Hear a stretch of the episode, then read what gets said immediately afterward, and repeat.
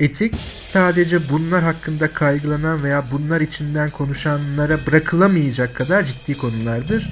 Orada bilimselliğin de söyleyeceği çok söz vardır elbette.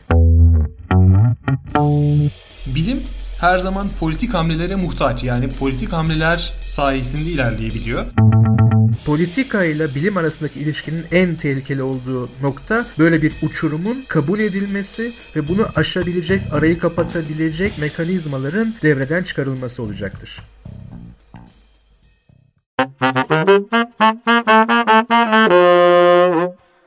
Hayatın denklemleriyle bilimin teorisi. Gayri safi fikirler.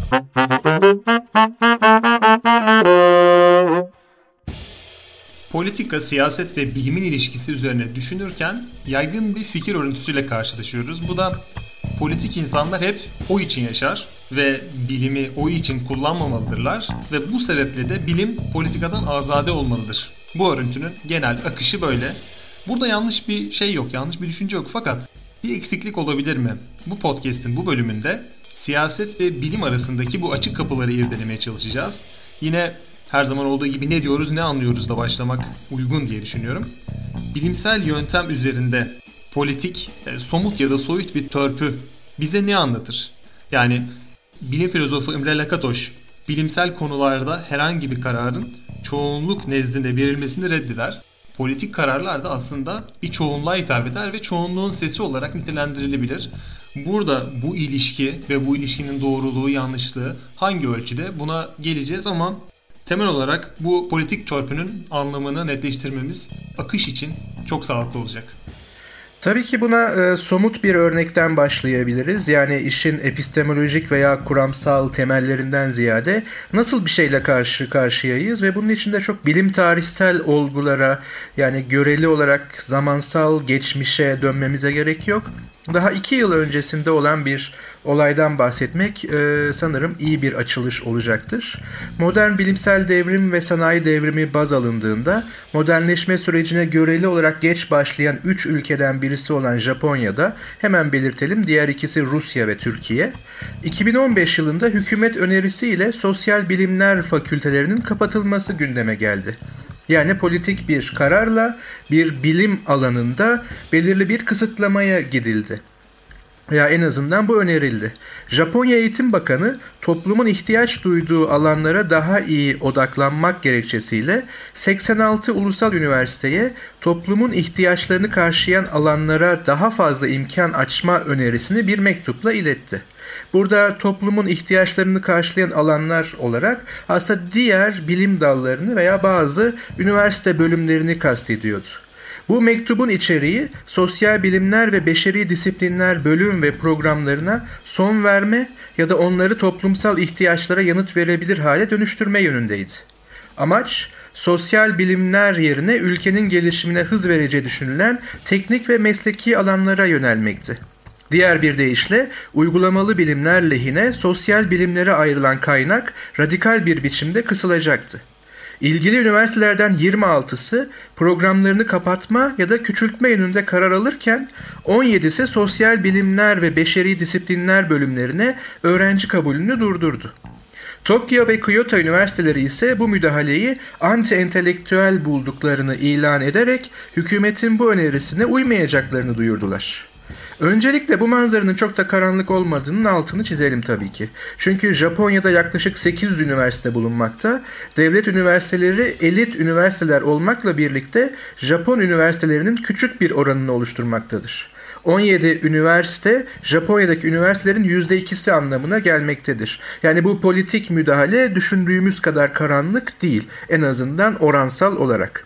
Ama ölçeği ve etkisi her ne olursa olsun bu hükümet önerisi çok da yabancısı olmadığımız genel bir bilim siyaseti ya da politikası yaklaşımının üstelik pek çok insanın da içten içe desteklediği bir uygulamasını yani siyasasını olarak da görülebilir. Burada şöyle bir Türkçe'de veya da biraz daha gerilerden Osmanlıcadan bir alıntı yapıyorum. Siyaset ve siyasa ayrımına gidiyorum. Siyaseti politika anlamında kullanmamız doğru. Yani daha meta kararlar veya da e, stratejiler olarak. Siyasa ise bunun uygulanması yani somut diyelim ki Japon e, Devlet e, Bakanı'nın veya Eğitim Bakanı'nın mektubu gibi kısa vadeli somut adımlar şeklinde düşünebiliriz. İşte bu siyaset yani geniş politika sıradan insanın zihnindeki bilim imajının ya da imgesinin bir yansıması olduğu denli karşılığında o imajda yani zihinde bulmakta. Bilim teknobilimdir. Burada aslında ilginç bir çelişki var. Çünkü sıradan insan olarak tanımlayacağımız kişi aslında bilimsel kaynağı üreten kişi. Yani bilimin kullanacağı maddi kaynağın aslında kaynağı o sıradan insan. Onların e, karar mekanizması da siyasi olarak ilerliyor. Yani siyasal kanat üzerinden e, kendini gerçekliyor. Bu aslında dışarıdan bakıldığında çok normal ve olması gereken. Çünkü ben belli bir kaynak ayırıyorsam herhangi bir bilimsel çalışma için bunu kontrol edebilmem gerekir. Ama aslında sonuçlarının hiç de olumlu yönde ilerlemediğini görüyoruz. Kesinlikle. Hatta burada şöyle bir ekleme yapabiliriz. O sıradan insan kim? Yani e, onun görüşleri ne? Aynı örnek üzerinden gidersek bilim siyaseti, siyasası ve imajı ilişkisi sosyolojik düzeyde hemen görülebilir. Örneğin Japonya'da yaşanan bu olayın ilgili haberinin altındaki ilk yoruma bakmıştım. O yorum aynen şöyleydi. Bu tam olarak e, bizim gazetelerimizde veya da çevrim içi haber kaynaklarında o hani alttaki yorumlar dediğimiz, izleyici okur yorumları dediğimizin muadili. Yani bu BBC'deydi yanlış hatırlamıyorsam. Orada yazılan aynen şuydu. Burada ve diğer her yerde de yapılması gereken bir şey. Beşeri disiplinler ve sözde sosyal bilimler toplumumuza tamiri mümkün olmayan zararlar veriyorlar. Bu insanların yani sosyal bilimcilerin eğitimleri tamamen kanaatler, inançlar, değerler ve benzerleri üzerine. Bu eğitimleriyle sanki gerçek ve meşru bilim yapıyorlarmışçasına davranıyorlar.''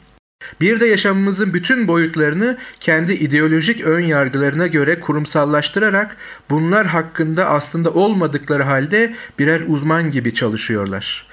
Bu dünyanın çocuklarımız hakkında ya da ilişkiler hakkında uzman gibi davranan insanlara ihtiyacı yok. Psikologlara ya da sosyal görevlilere ihtiyacımız yok.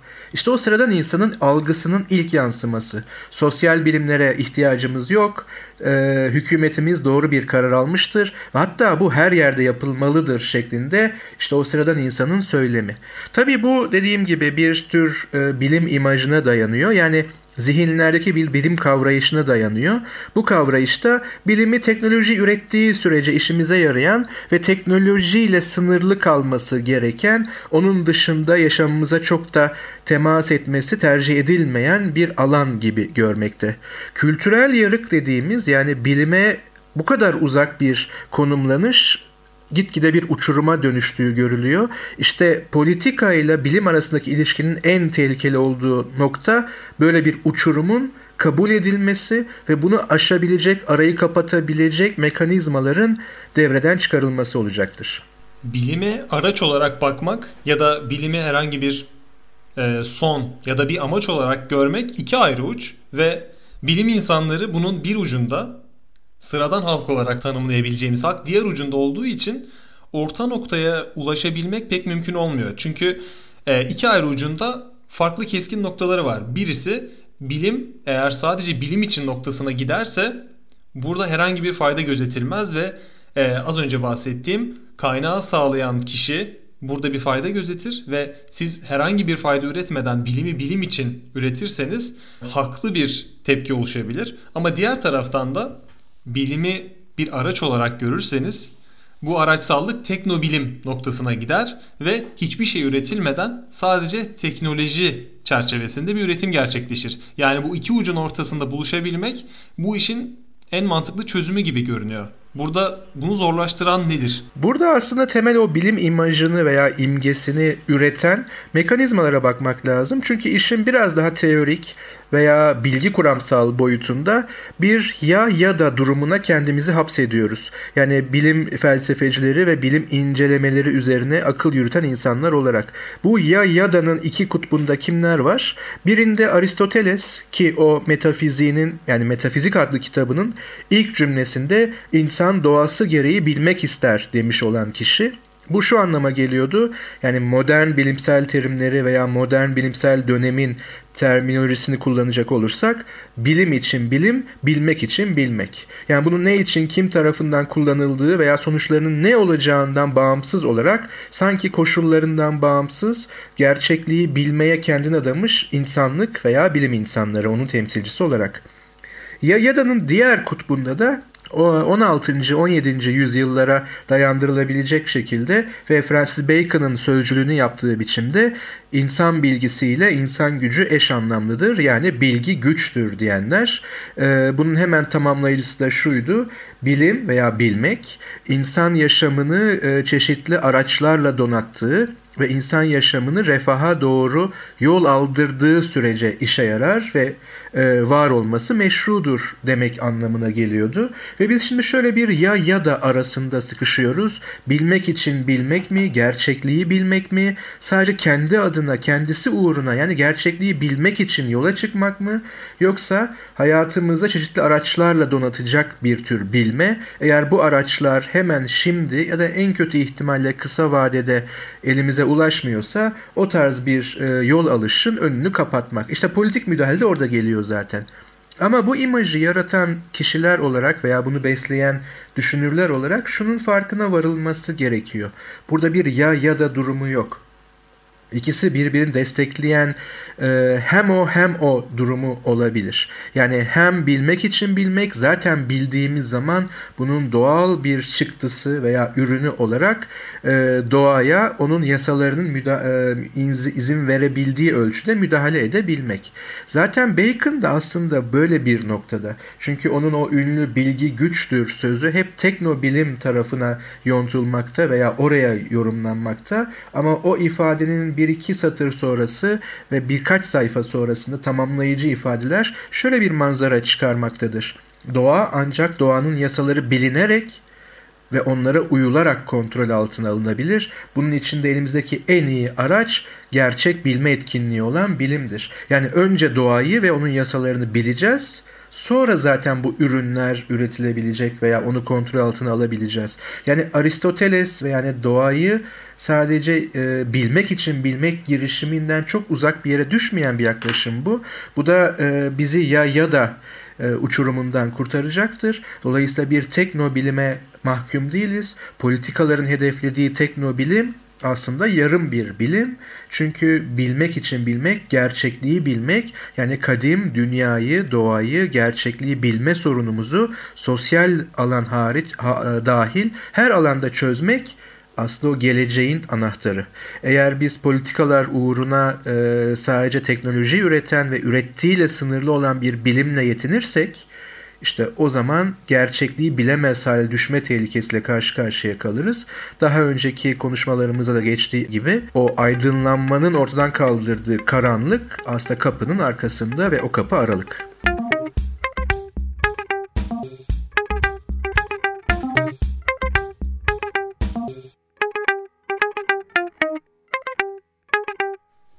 Bilimsel ilerleyişin gerçekleşmesi için tekil eylemlerin tek başına mümkünlüğü tartışılır.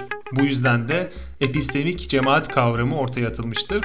Epistemik cemaat kavramı tabii ki uhrevi bir topluluk olarak cemaat değil. Bu cemaat e, tanım olarak bilgiyi üreten, geliştiren, yayan ve koruyan mikro yapılar. Her yapı aslında içerisinde kendi lider kültünü ya da iktidarını doğurmaya meyilli olduğu için bilimsel yöntemde de iktidar gerçekliği anlatıyor olabilir. Politik olarak değil ama kavramsal olarak bakalım bilimsel düşüncenin kendi içerisinde yetki dağılımı var mı? Bunun için tabii aslında bilim felsefesinin veya da bilim teorisinin tarihine bakmak lazım. Çünkü şunun hemen altını çizelim bir parantez içerisinde. Bilim teorisi dediğimiz bilimi ve bilim dışını birbirinden ayıracak ve zamanla da bilimle sahte bilimi birbirine ayıracak bir sınırlandırma ayracı arayışı kendisinde olduğu haliyle yani felsefecilerin kullandığı tabir buna kendinde bilim diyebiliriz. Kendinde bilimde e, her nasıl bir mekanizma çalışıyorsa bunu modellemek üzereydi. Ve ilk modelleme yani pozitivist modelleme tarihsel bir e, ilerleme şablonu ortaya koymuş olsa bile e, bir miktar o dahi bilim insanını öne çıkarıyordu. Yani bilimin öznesi bireysel dahi bilim insanıydı veya çok çalışkan bilim insanı. O keşiflerde bulunuyordu, o doğayı biliyordu ve e, bilim o bireyle o doğa arasındaki bir bilme ilişkisinden başka bir şey değildi. O yüzden bu tarz bir bilim tarihi de bu dehaların, o bireylerin tarihiydi. Yani Newton'ların, Einstein'ların, Boyle'ların ve diğerlerinin diyelim. Galileo'ların, Kepler'lerin ve Kopernik'lerin. Fakat daha sonra şu fark edildi bilim teorisyenleri tarafından ama bu vaz edilmedi, fark edildi. Yani bilim öyle çalışmıyordu. Bilimin öznesi yani bilimi gerçekleştiren e, bilme etkinliğini gerçekleştiren özne birey değil bir topluluktu. Yani bilim insanları topluluğu diyebiliriz. Bu bilim insanlarını da bir topluluk altında kategorize eden şey aslında teoriydi veya hipotezlerdi. Yani Newtonculardan bahsedebilirdik, Einstein'cılardan bahsedebilirdik. Buradaki Newton ve Einstein'ın bu gruba ismini vermesi bir tür evet e, öncü olmaktı ama o teoriydi onların tamamını tanımlayan bireyler değil. Dolayısıyla böyle gruplar oluştuğu zaman şu da kendini gösterecektir ki bunu en net bir şekilde e, bir bilim felsefecisi, bilim filozofu veya bilgim, bilim teorisyeni olan hangi terim tercih edilirse Thomas Kuhn bize gösterdi. Bilim paradigmalarla ilerler veya paradigmalarla e, vuku bulur ve bu paradigmalar kendi topluluğunu oluşturur. Böylece bir paradigma içerisinde etkinlikte bulunmak, o topluluğa dahil olmak ve onlar gibi bilim yapmaktır ve bu çalışır. Gerçekliği de böyle çözeriz. Hele ki günümüzde yani aslına bakarsanız bunu 20. yüzyıl ve sonrası diyebiliriz e, tek bir bilim insanının tek bir teorinin her unsurunu test edemeyecek olması, geliştiremeyecek olması, ayrıca problemlerimizin gitgide çok disiplinli hale gelmesi, yani çok disiplinli bir yönelimle çözülebilir hale gelmesi bu topluluk fikrini daha da öne çıkarıyor. Ama topluluk söz konusu olduğunda ve teori bu kadar baskın olduğunda yani topluluğa dahil olmanın koşulu o teori içerisinde bilmek ve o teori üzerinden gerçekliği okumak olduğunda evet bir tür iktidar ve otorite ilişkisi de buraya sızmakta. Neden? Çünkü artık sosyolojik bir unsurdan bahsediyoruz. Yani bir e, bireyden değil o bireyin parçası olduğu sosyolojik bir bütünlükten bahsediyoruz. Herhangi bir sosyolojik grupta veya toplulukta nasıl ki otorite ve iktidar ilişkileri varsa artık burada da var. O zaman soru biçim değiştirdi. Bilimsel bir cemaatte veya bir bilim e, cemaatinde yani epistemik cemaatte bu ilişkiler tamamen nesnellik gerektiren bir ilişki biçiminde nasıl kurulacak? Toplulukların varlığı aslında güzel bir tespit ama toplulukların etkin çalışıp çalışmıyor olması e, ortaya çıkan diğer bir soru. Çünkü bilim insanlarının diğer herhangi bir e, uğraşta bulunan insandan daha rasyonel davrandığına dair elimizde bir kanıt yok. Bir bilim topluluğu herhangi bir kavramı, herhangi bir teori ya da paradigmayı yetkin hale getirdiğinde onların bir gün yanlış bir yola sapıp e, yetkin olmayan ya da doğru olmayan bir paradigma ya da teori ya da herhangi bir kavramı yetkin hale getirme ihtimalini de göz önüne almamız gerekiyor. Burada Emre Lakatoş'un yaklaşımı aslında bu. Çoğunluğun eline verilen seçim her zaman ters tepebilme riski taşıyor. Kesinlikle burada zaten bir e, ciddi bir tartışma da oldu. Yani Karl Popper ve Thomas Kuhn arasında olmak üzere. Karl Popper bildiğimiz gibi hatırlatalım sadece e, sürekli devrimden bahseden bir devrimci o anlamda. Çünkü yanlışlanmış hipotez veya teorilerin e, koşullar dahilinde hemen terk edilmesini eğer terk edilemiyorsa da artık o teori veya hipotez için çanların çalmaya başladığının fark edilmesini e, söyleyen veya da bu şekilde bir modelleme yapan bir bilgi teorisyeni veya bilim teorisyeni ve Popper bunu olması gereken olarak söylemiyor. Bilim zaten böyledir diyor. Biz e, Einstein devrimini buna borçluyuz. Çünkü bütün dünya gelmiş geçmiş en iyi kuramımızdan, teorimizden büyük bir övgüyle söz ederken e, fizik yapmak Newtoncu mekanik içerisinde olmakken doğayı, gerçekliği, fizik gerçekliği bilmek Newtoncu olarak bilmekken Einstein Newton'a yanılıyorsun dedi hipoteziyle veya da o iki e, dahiyane makalesiyle. Dolayısıyla Einstein'ın o dönemde bir topluluğu yoktu. Olmadığı halde bu topluluğun yani Newtoncuların hemen hemen bütün temellerini yıkabilecek denli başarılıydı. İşte Popper, Kuhn'a veya da o topluluk fikrine, epistemik cemaat fikrine böyle karşı çıkıyordu. Bilimin içinde hiçbir şekilde dogmatizm yoktur. Aksine her an ve en acımasız, belki hayattaki en acımasız eleştirellik vardır. Dolayısıyla burada artık topluluk içi otorite veya da bir e, bağlılık söz konusu değildir. O kadar ki Popper şunu bile öne sürüyordu. Bu çok zordur, psikolojik olarak zordur ama kendi hipotezlerinizin, kendi bağlı olduğunuz teorinin en acımasız yanlışlama girişimcisi yine siz olun demekteydi. Ama şunu kabul ediyordu. Bunu yapamayabilirsiniz ama şunu kabul etmek zorundasınız. Kapının arkasındaki bütün bilim insanları sizi yanlışlamak için bekliyor. Tabii ki arzu edilen şey bilim açısından yanlışlanmamış olmak da olabilir. Bu doğruya yakın olduğumuzu gösterir ama bilim tarihi göstermektedir ki Popper'a göre biz şu anda elimizdeki en iyi kuramlarla yola devam ediyoruz ama bunlar mükemmel kuramlar değil. İşte o yanlışlama girişimleri bunları daha da rafine hale getirecek. Oysa Thomas Kuhn tam tersi bir şey söyledi. Bilimde dahi belirli bir dogmatizm zorunludur yani bağlılık. Her aykırı örnek gördüğümüzde onu eğer atmaya çalışırsak bağlı olduğumuz genel çerçeveyi yani onun tabirle paradigmayı daha minimal tanımıyla teoriyi veya kuramı atmaya kalkarsak elimizde doğayı gerçekliği görebilecek çerçeve kalmayacaktır. Bu çerçevenin yokluğunda ise kör olacağız doğaya karşı. Yani belirli bir dogmatizm o cemaatin yani o epistemik cemaatin doğayı görme biçiminden eminliğinden kaynaklanır diyecektir. Karl Popper'ın sadakatin olmadığı varsayımı ya da her an her şeyin değişebilme e, gerekliliği varsayımı e, zaten kendinin de belirttiği gibi çok zor bir varsayım. Bunun zor olduğunu belirtiyor fakat imkansıza da yakın olabilir.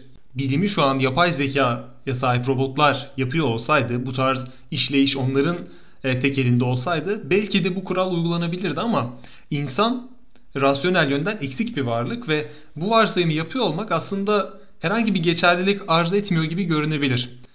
Aynı şekilde Thomas Kuhn'un e, dogmatik e, bağlılık yaklaşımı da onun diğer ucu. Yani dogmatik bağlılığa sahip bilim insanları e, herhangi bir değişim olacağı zaman bu değişimi yine dogma gibi aslında bilimsel analizde kullanamayacağımız bir kavramla, bunalımla yaşıyorlar. Çünkü bunalım ölçebileceğimiz, anlayabileceğimiz, kavrayabileceğimiz ve elle tutabileceğimiz bir kavram değil. Psikolojik bir kavram ve burada da değişimin geleceği zamanı kestirme gibi bir şansımız yok. Çünkü bunalımı ölçemeyeceğimiz için bunalımın ne zaman geleceğine dair mantıklı bir açıklamamız yok. Yani dogma ve bunalım da yine sadakatin olmadığı durum kadar elle tutulur bir zemin sağlamıyor bize. İkisi de çok kaygan zeminde duruyor. Bu yüzden tam olarak ikisinin de gerçeği yansıtıp yansıtmadığına dair şüphelerim var. Bu şüpheleri ikisinin ardılları Lakatoş başta olmak üzere ciddi bir şekilde yaşadılar ve yaşatıyorlar sonrakilerde. Ee, şunu hemen söylemek lazım. Thomas Kuhn'da dogmatizmin ilelebet sürdüğünü söylemiyor. Dogmatizmler arası geçişlerden bahsediyor. Yani onun kendi terminolojisi içerisinde olağan bilimler arası geçiş dönemleridir devrimler. Yani bir olağan bilimden o olağan bilimin koyutladığı veya onu çerçeveleyen e, paradigmanın yıkılması, o e, kriz veya devrim dönemleri ardıl olarak sonra yeni gelen e, kriz sonrası devrimi yapan paradigmanın kendi olağan bilim dönemi. Yani ilerleme yine var ama Popper'ın dediği gibi böyle her an devrim ve her an devrime hazır bir bilim değil. E, ve şöyle bir yerden bunu tabii modelliyor. Bu ilginç ve üzerine düşünmeye değer bir şey. Karl Popper oyunun kurallarını değiştirdi. Çünkü Popper şunu söyledi yaşamın tamamı için geçerli bir modellemedir bu. Bilim yaşamdan kopuk bir şey değil. Bilim günlük bilme etkinliğimizin veya yetimizin veya yöntemimizin rafine halinden başka bir şey değil. Günlük problemlerimizi bilgi temelinde her nasıl çözüyorsak ya da çözebilirsek veya çözmüşsek bilim bunun rafine ve bilinçli kullanımından başka bir şey değil ya da bilimsellik. Dolayısıyla yaşamın tamamına yayılmış böyle bir yöntem yani böyle bir mantık ki onun kitabının ismini tekrar hatırlatalım. Bilimsel araştırmanın mantığı aslında tüm yaşama yayılmıştır. Bilimsel araştırma modunda sadece rafine halindedir. E böyleyse bir bilgi kuramında veya bilgi kuramsallaştırmasında yani bir bilim teorisinde de geçerlidir ve Popper işte burada oyunun kuralını değiştirir. Der ki eğer benim modellemem de yanlışlanıyorsa bilimin etkinliği tarafından, bilimin kendisi tarafından bunu da terk edin. İşte bu oyun değiştirici hamleye Thomas Kuhn'un cevabıdır aslında. Sir Karl Popper der çünkü Karl Popper hakikaten Sir ünvanına sahiptir. Madem böyle bir meydan okumanız var ve oyunun kuralları artık böyle, tabii ki biraz canlandırarak söylüyorum o diyaloğu. Bilim tarihi neden sizin modelinizi yanlışlıyor? Yani kendi verdiği somut örnekte olduğu gibi Aristoteles fiziği ve Batlamyus astronomisi yaklaşık 1500 yıl boyunca Kopernik, Galileo, Kepler e, ve Newton'a gelinceye kadar hiç mi yanlışlanmadı ki 1500 yıl boyunca ağırlığını, otoritesini ve gerçekliği görme biçimi olmayı koruyabildi. Şimdi açıklamamız gereken şey şu nasıl oldu da korudu. İşte Thomas Kuhn bu açıklama girişiminde bulunuyor. Çünkü bilimde dogmatik bir unsur vardır. Öyle aykırı örnekler yanlışladı diye bir anda her şey bırakılmaz. Peki nasıl bırakılır? İşte Thomas Kuhn'un da zayıf karnı burası. Çünkü biraz senin de bahsettiğin gibi kriz anları rasyonelitenin veya da öncel veya önsel yani felsefedeki e, karşılığıyla a priori kuralların öngörülemeyeceği veya çalışmadığı anlardır. Zaten bu yüzden krizdir. Ve kriz de öngörülemez. Çünkü öngörülebilir olsa mevcut paradigmanın veya kuramın eksiklerinin farkında olmak gereklidir. E zaten bu eksiklikler doğada açıklanamayan bir şeylerin olduğunun farkına varılmasını gerektirir ve bunun farkına vardıysak zaten krizin içindeyizdir. Dolayısıyla böyle bir kısır döngü oluşturacağından bilimsel devrimler ve krizler de aynı siyasal, politik krizler gibi öngörülebilir değildir. Sadece bir eğilim olarak tespit edilebilir. Dolayısıyla bu şekilde öngörülemez bir ortamda ne yapacağız? Şimdi bilimin dışından bir örnek veya da bir filozoftan bir alıntı yapalım. Kierkegaard, Türkçe'de farklı okunuşları var ama ben bunu tercih ediyorum. Şöyle bir şey söyler varoluşsal meselelerde bilimle ilgili değil. Karar anı delilik anıdır. Çünkü orada rasyonelite susar. A mı B mi diye sorulduğunda istediğiniz kadar akıl yürütün aslında uçurumdan aşağı atlıyorsunuz der varoluşsal anlamda. Çünkü sonuçların tamamını öngöremezsiniz. Bütün sonuçlar sizin için arzu edilebilir olmaz. Yani kendinizi uçurumdan bırakırsınız. Şimdi tekrar bilim anına Thomas Kuhn'un o krizlerine dönersek aslında bilim de bazen ayaklarını yerden keser ve o kriz anında nereye doğru yol alacağını aslında bilemez. Ama tabii bu kadar diğer alanlar veya politika gibi veya varoluşun kendisi gibi e, insan birey varoluşundan bahsediyoruz. Kör bir alan değil yine de. Çünkü bilim gerçeklikle kurduğumuz en iyi ilişki biçimi sonu bilgiyle biten. Dolayısıyla bilimde Thomas Kuhn vari krizler olduğunda da krizi çözecek olan şey herhangi bir topluluğun psikolojik durumu veya da daha sonra geriye bakarak bir şeye karar vermesi değil doğaya ait bir önceki paradigmanın çözemediği o problemin çözülmüş olmasıdır. Ama bu belki de Karl Popper'ın tespit ettiğini düşündüğü kadar net sınırlar içerisinde ve net bir zaman aralığında başarılamayan bir şey. Henüz daha bu sorunu çözemedik. Yani şu soru e, ciddi bir şekilde varlığını koruyor. Popper mı Kuhn mu? Biraz önceki soruda belki e, kullandığımız sözcüğü burada da geçirebiliriz veya ifadeyi ya ya da sarmalına girmeden belki ikisi birden bilimin önemli taraflarını iyi yakaladılar ve bunları birleştirmek gerekecektir. Ve bunları birleştirmeye en yakın düşünür de sanırım Lakatoş'tu. Ama tabii orada hemen bir e, dipnot bilgisi verelim. Lakatoş mealen şunları söylemektedir. Ben Karl Popper düşüncesi üzerindeki tozu aldım gerçek Popper düşüncesini ortaya çıkardım. Yani Popper mı Kuhn mu derken ikisi de ama daha çok Popper demiştir. Bunun üzerine daha sonra tekrar konuşuruz.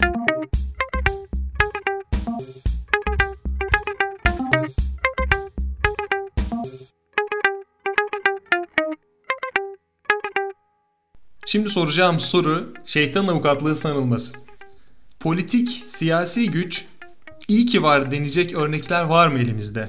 Çünkü buradan da bu noktadan da bu ilişkinin sınırlarını belirlemeye de çalışacağız. Somut yani biraz önce yaptığımız siyaset ve siyasa ayrımında somut e, uygulamalar veya örneklerden ziyade aslında politik bir ortamın bilim için olumlu katkısı olabilir mi diye sorabiliriz.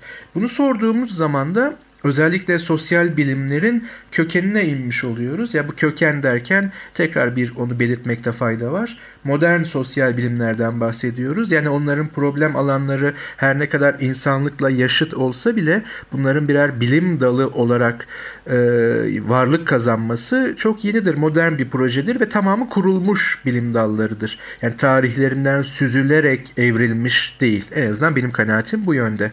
Böyle baktığımızda 18. ve 19. yüzyılda mevcut politik ortamın sosyal bilimleri talep eden bir dışsal koşul yarattığını görüyoruz. Yani tabii ki varsayım üzerine tarih yazılmaz fakat acaba böyle bir politik talep söz konusu olmasaydı sosyal bilimler bu kadar güçlü bir şekilde kurulabilir miydi diye sormak gerekir. Nasıl bir ortamda o zaman?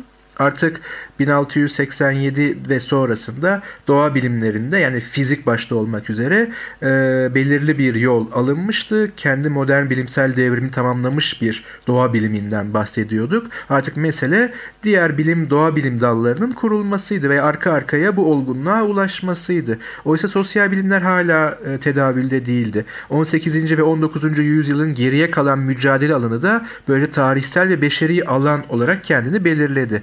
Doğaya ilişkin meşru bilginin nasıl ve kim tarafından üretildiği artık mesele değildi bu yüzyıllarda. Fakat insanların dünyasıyla ilgi, ilgili bilgiyi kimin denetleyeceği konusunda bir mutabakat olmadığı gibi esas mücadelenin burada verileceği de artık aşikardı.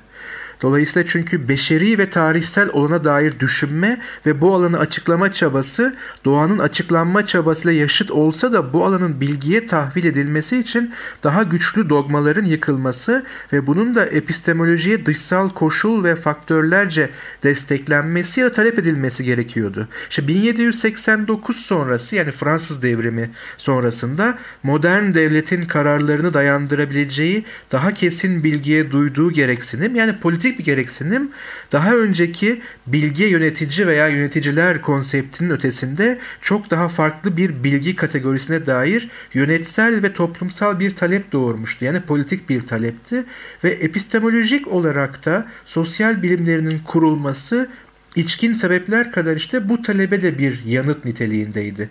Bu da bize bir şey gösteriyor. Belki biraz sonra biraz daha açacağız. Bazı politik talepler bilimi hızlandırıcı etkide de bulunabiliyor. Sosyal bilimler özel bir örnek. Bir de doğa bilimler tarafında politikanın etkisine farklı örnekler var. Ben buna somut bir örnekten ilerlemeye öneriyorum. Bu da 50'li yıllarda Almanya'da gerçekleşen bir olay. 1957 ve 61 arasında Almanya'da e, bir ilaç ortaya çıkıyor. Bu ilaç hamileler üzerinde uyku problemini giderdiği varsayımıyla satılmaya başlanıyor. İnsanlar üzerinde aslında canlı olarak deneniyor. E, binlerce insan bunu kullanıyor. 90 bine yakın kadın bunu kullandıktan sonra düşük yapıyor ve doğum yaptıklarında 10 binden fazla çocuk ölü olarak doğuyor. Bunun ardından e, bu deneylere, ilaç deneyleri üzerine bir sınır koyuluyor. Bu sınırın sonrasında da insanlar üzerinde yapılan deneyler sınırlandırılıyor. Yani işte burada e, bilimsel çalışmaları tamamen özgür olmasının ya da politik engeller koyulmasının tam olarak anladığımız o ilk anlamıyla olmayacağını düşünüyorum. Yani olumsuz bir e, müdahale her zaman olmayabilir. Olumlu müdahaleler de söz konusu olduğunda bu bahsettiğim talidimit faciası olarak geçiyor, araştırılabilir. E, bunun gibi örneklerde kime sınırlandırmalar aslında bilim bilimin gelişimi üzerine olumlu etkiler yaratabiliyor. Çünkü böyle bir sınırlandırma olmasa ve ben herhangi bir ilaç ya da herhangi bir bilimsel çalışma bu sadece kimya alanında değil biyoloji alanında da olabilir e, desem ki ben herhangi bir kişiye 100 lira vereceğim ve deneyim için 1000 kişi arıyorum. Ya sokağa çıktığım anda bir sürü insan bulabilirim. Bunun bir sınırlaması gerekiyor. E, bu sınırlamayı da yapabilecek aslında tek güç siyasi erk. Doğru. Şimdi burada tabii ikili bir e, kategorizasyona gitmemiz gerekiyor. Birincisi politik müdahale, ikincisi etik sınırlar. İkisi de kesişimleri olduğu için çünkü etik değerlerin veya da değerlerin daha genel anlamıyla bir tür e, somut uygulamalara tahvilidir politika. E zaten en azından demokrasi veya demokrasiye yakın sistemlerde e, oy verme eğilimi de aslında bu değerlere uygunluk ve bunlara uygun proje üretebilme üzerinden kendisini gösteriyor. Dolayısıyla soruyu şöyle sormak mümkün. Acaba bilme ediminin veya doğayı, gerçekliği bilme girişiminin önüne herhangi bir değer engelleyici bir unsur olarak çıkar mı veya çıkmalı mıdır? Şimdi soru yine ikili bir sarmala girilecektir veya da e, iki yoldan izlenebilecektir. Birincisi çıkmış mıdır ve sonuçları ne olmuştur? Tarihsel bir incelemeyi gerekli kılar bu soru. İkincisi de çıkmalı mıdır? Yani bir normatif durum tartışmasına gider ki bu zaten değerler alanının kendi içerisinde gerçekleşecektir. İkisine de baktığımız zaman olumlu ve olumsuz örnekler görebiliyoruz e, doğayı sırf kendinde ve kendi içgüdüsü gereği, doğası gereği bilmek isteyen insan için bu tip değer çatışmaları oldukça problemlidir. Çünkü insan kendi doğası gereği bilmek istiyorsa, bu bilmenin de bir bedeli varsa değerlere çatışan, mesela insan hayatının ne kadar değerli olduğu üzerinden ve tabii burada e, kötü bir sayılar karşılaştırmasına doğru gidebilir böyle bir değer skalası. Yani milyonlarca insanın hayatını kurtaracak bir veya kurtarabilecek bir ilaç için diyelim ki 100 insanın e, kendi gönüllülüğü üzerinden hayatı tehlikeye atılabilir mi? Ya da bu soru daha da korkunç bir hale getirilebilir. Milyarlarca insanın hayatını kurtarmak için 100 insanın kendi iradesine rağmen hayatı tehlikeye atılabilir mi? Şimdi bu soru sadece bilme motivasyonuyla sorulduğu zaman o 2. Dünya Savaşı'nı sonlandırdığı veya daha kısa sürede bitirdiği söylenen Hiroşima ve Nagasaki'ye atılan atom bombalarının arkasındaki motivasyona benzeyecektir. Yani savaş birkaç yıl daha sürerse milyonlarca insan ölecek ama biz bir anda 500-600 bin insanı öldürürsek yani daha az insan hayatı karşılığında daha çok insan hayatını kurtarmış olacağız gibi sayılara dökmek söz konusu olacak. Peki gelecekte milyarlarca insan hayatını kurtaracak bir ilaç için seçilecek o 100 kişi bizsek veya bizim sevdiklerimizse neye göre belirlenecek? Yani ciddi bir etik tartışmanın kapısındayız. Ama biz tekrar bilim tarafında yani epistemoloji tarafında kalırsak şunu söylemek gerekiyor her zaman bu kadar acımasız ikilemler söz konusu değil. Çünkü daha önce de birkaç kez bunu e, belirtmiş ve altını çizmiştik. Belki bilim dalları üzerinden düşündüğümüz için bazı somut ve acı örnekler üzerinden ki düşünmeye değerdir ve meşrudur ve kesinlikle düşünülmelidir e, böyle manzaralarla karşılaşıyoruz. Ama soruyu biraz daha kökene çekersek yani bilimsellik dediğimiz eleştirel düşünme dediğimiz yere çekersek bu tip ikilemlerde veya da daha çok seçenekle karşı karşıya kaldığımızda ne yapacağız sorusu biraz daha bilgi temelli cevaplanabilir gibi geliyor bana. Yani yine Karl Popper'ın o dediği şeyi hatırlayalım bir amipten Einstein'a kadar yani tüm yaşamın problem çözme pratiğidir aslında bu bilimsellikte veya bilimsel yöntem olarak kullandığımız mantık veya işleyiş veya mekanizma. Dolayısıyla bu da bir problem durumuysa aynı yöntemi kullanarak eleştirel diyaloğu ve düşünmeyi aktif kılmalıyız. Yani birilerinin kararı ne olacak ne olmalıdır yerine bu kararı verenler bizlermişiz gibi problemi önümüze almalı ve onu da bilimsel yolla yani eleştirel bir düşünme içerisinde konu edinmeliyiz. Böyle bir etik ikilem sadece etiğe mi aittir? Bu sadece bilime mi aittir? Belki şunu söylemek iyi bir uyarı olabilir. Başka bir sözü uyarlarsak buraya. Etik veya değerler sadece bunlar hakkında kaygılanan veya bunlar içinden konuşanlara bırakılamayacak kadar ciddi konulardır. Orada bilimselliğin de söyleyeceği çok söz vardır elbette. Aslında bilimsel ve siyasi etkilerin çıkışması özelinde farklı bir örnek de verilebilir. Bu örnekte e, benim düşündüğüm üzere herhangi bir siyasi erk, herhangi bir X partisi hemen hemen her ülkede tanımlayacağımız ortalama toplumun belli bir kesiminin tam desteğini alarak yetkiyi alıyor eline. Ee, burada kimisi bazı konulara, kimisi bazı konulara destek veriyor ama burada bir çoğunluk var ki onların her yaptığı üzerinde bir destek sağlıyor. Bu konuda fikiriz. Bunun temelinde yine bu topluluk aslında siyasi gücün bireysel olarak dağıtıldığı yani bin birim güç varsa bu toplumdaki her bireye eşit olarak dağıtıldığını düşünürsek daha temelden siyasetin hitap ettiği toplumsal döngü e, zaten bilimsel uğraşı şekillendiriyor. Şöyle ki e, çok değil yani bundan 30-40 yıl önce hatta şimdi de izleri görülebiliyor. Bilim insanı profili aynıydı. Erkek, beyaz tenli. Bunun ötesinde herhangi bir çalışma yoktu. Kadınlar bilim çalışması yapacakları zaman bu büyük hacimli çalışmalar üzerinde pek olamıyordu. Şimdilerde bu değişmeye başlıyor ama genel profil ve bu da toplum tarafından kodlanmış, belirlenmiş bir profil ve toplum dediğimizde kararlarıyla siyasi erki belirleyen profil.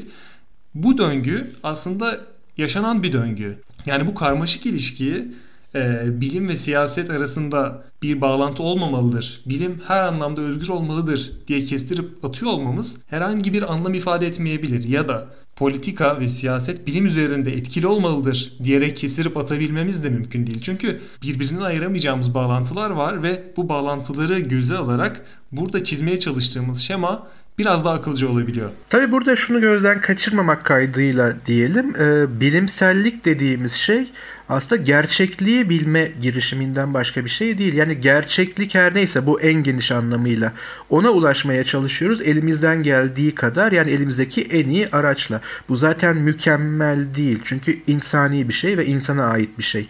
Dolayısıyla elbette tartışılmalıdır. Zaten hemen hemen bütün e, bilim teorisyenleri de bu tartışma kapısını açık tutup bunun koşullarını belirleme yönünde akıl yürütmektedir.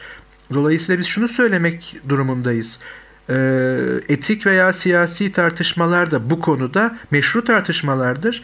Ama eğer eleştirel zeminde gerçekleştiği kabulüyle masaya oturuluyorsa muhataplar birbirine öncel olarak şunu sormalıdır. Her ne olursa yanıldığını kabul edip hipotezini, yaklaşımını, perspektifini, savunduğun şeyi revize edecek ya da terk edeceksin.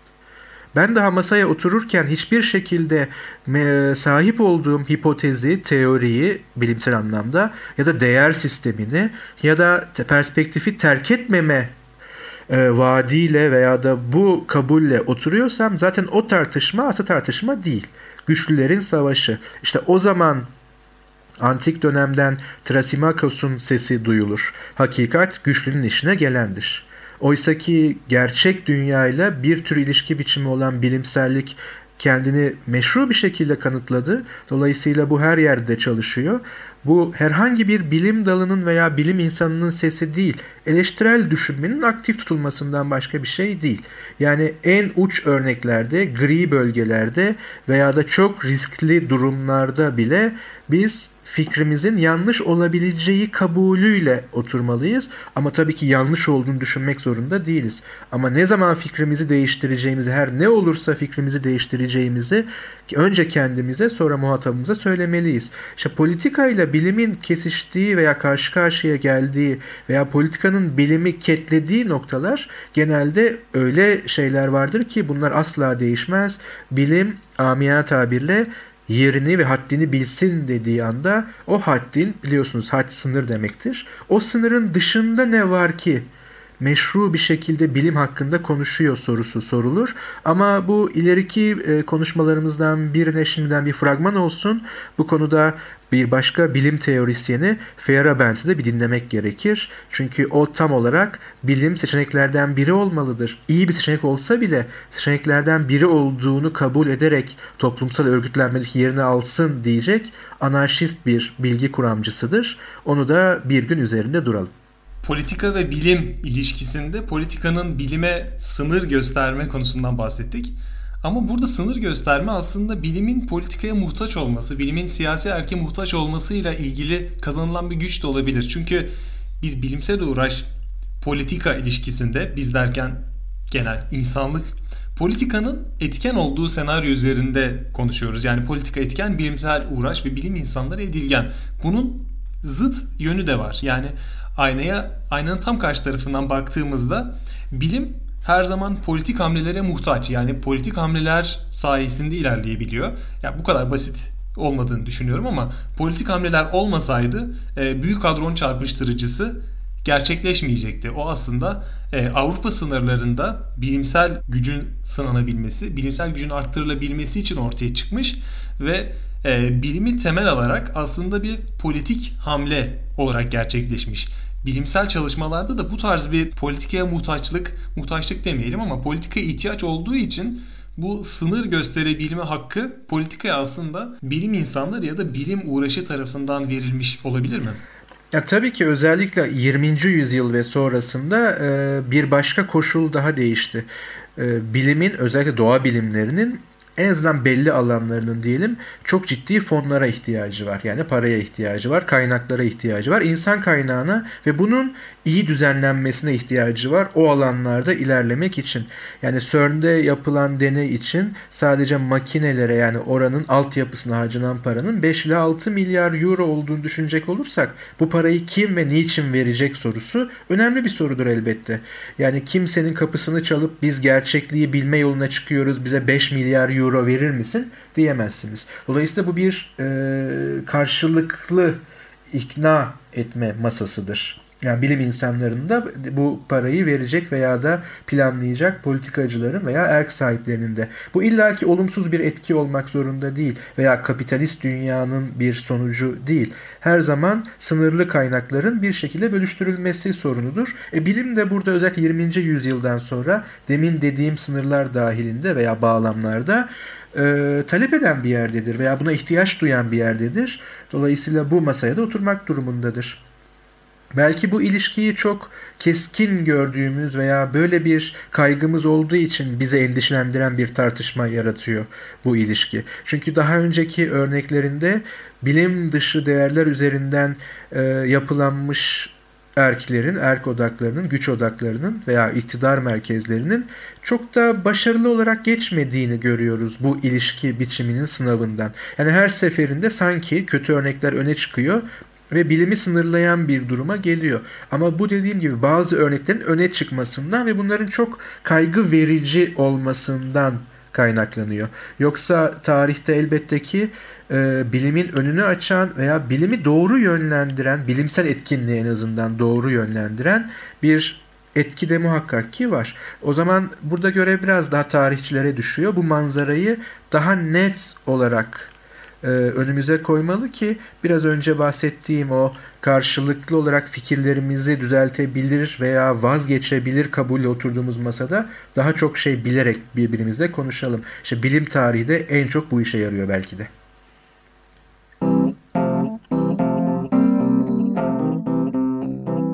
Hayatın denklemleriyle bilimin teorisi. Gayri safi fikirler.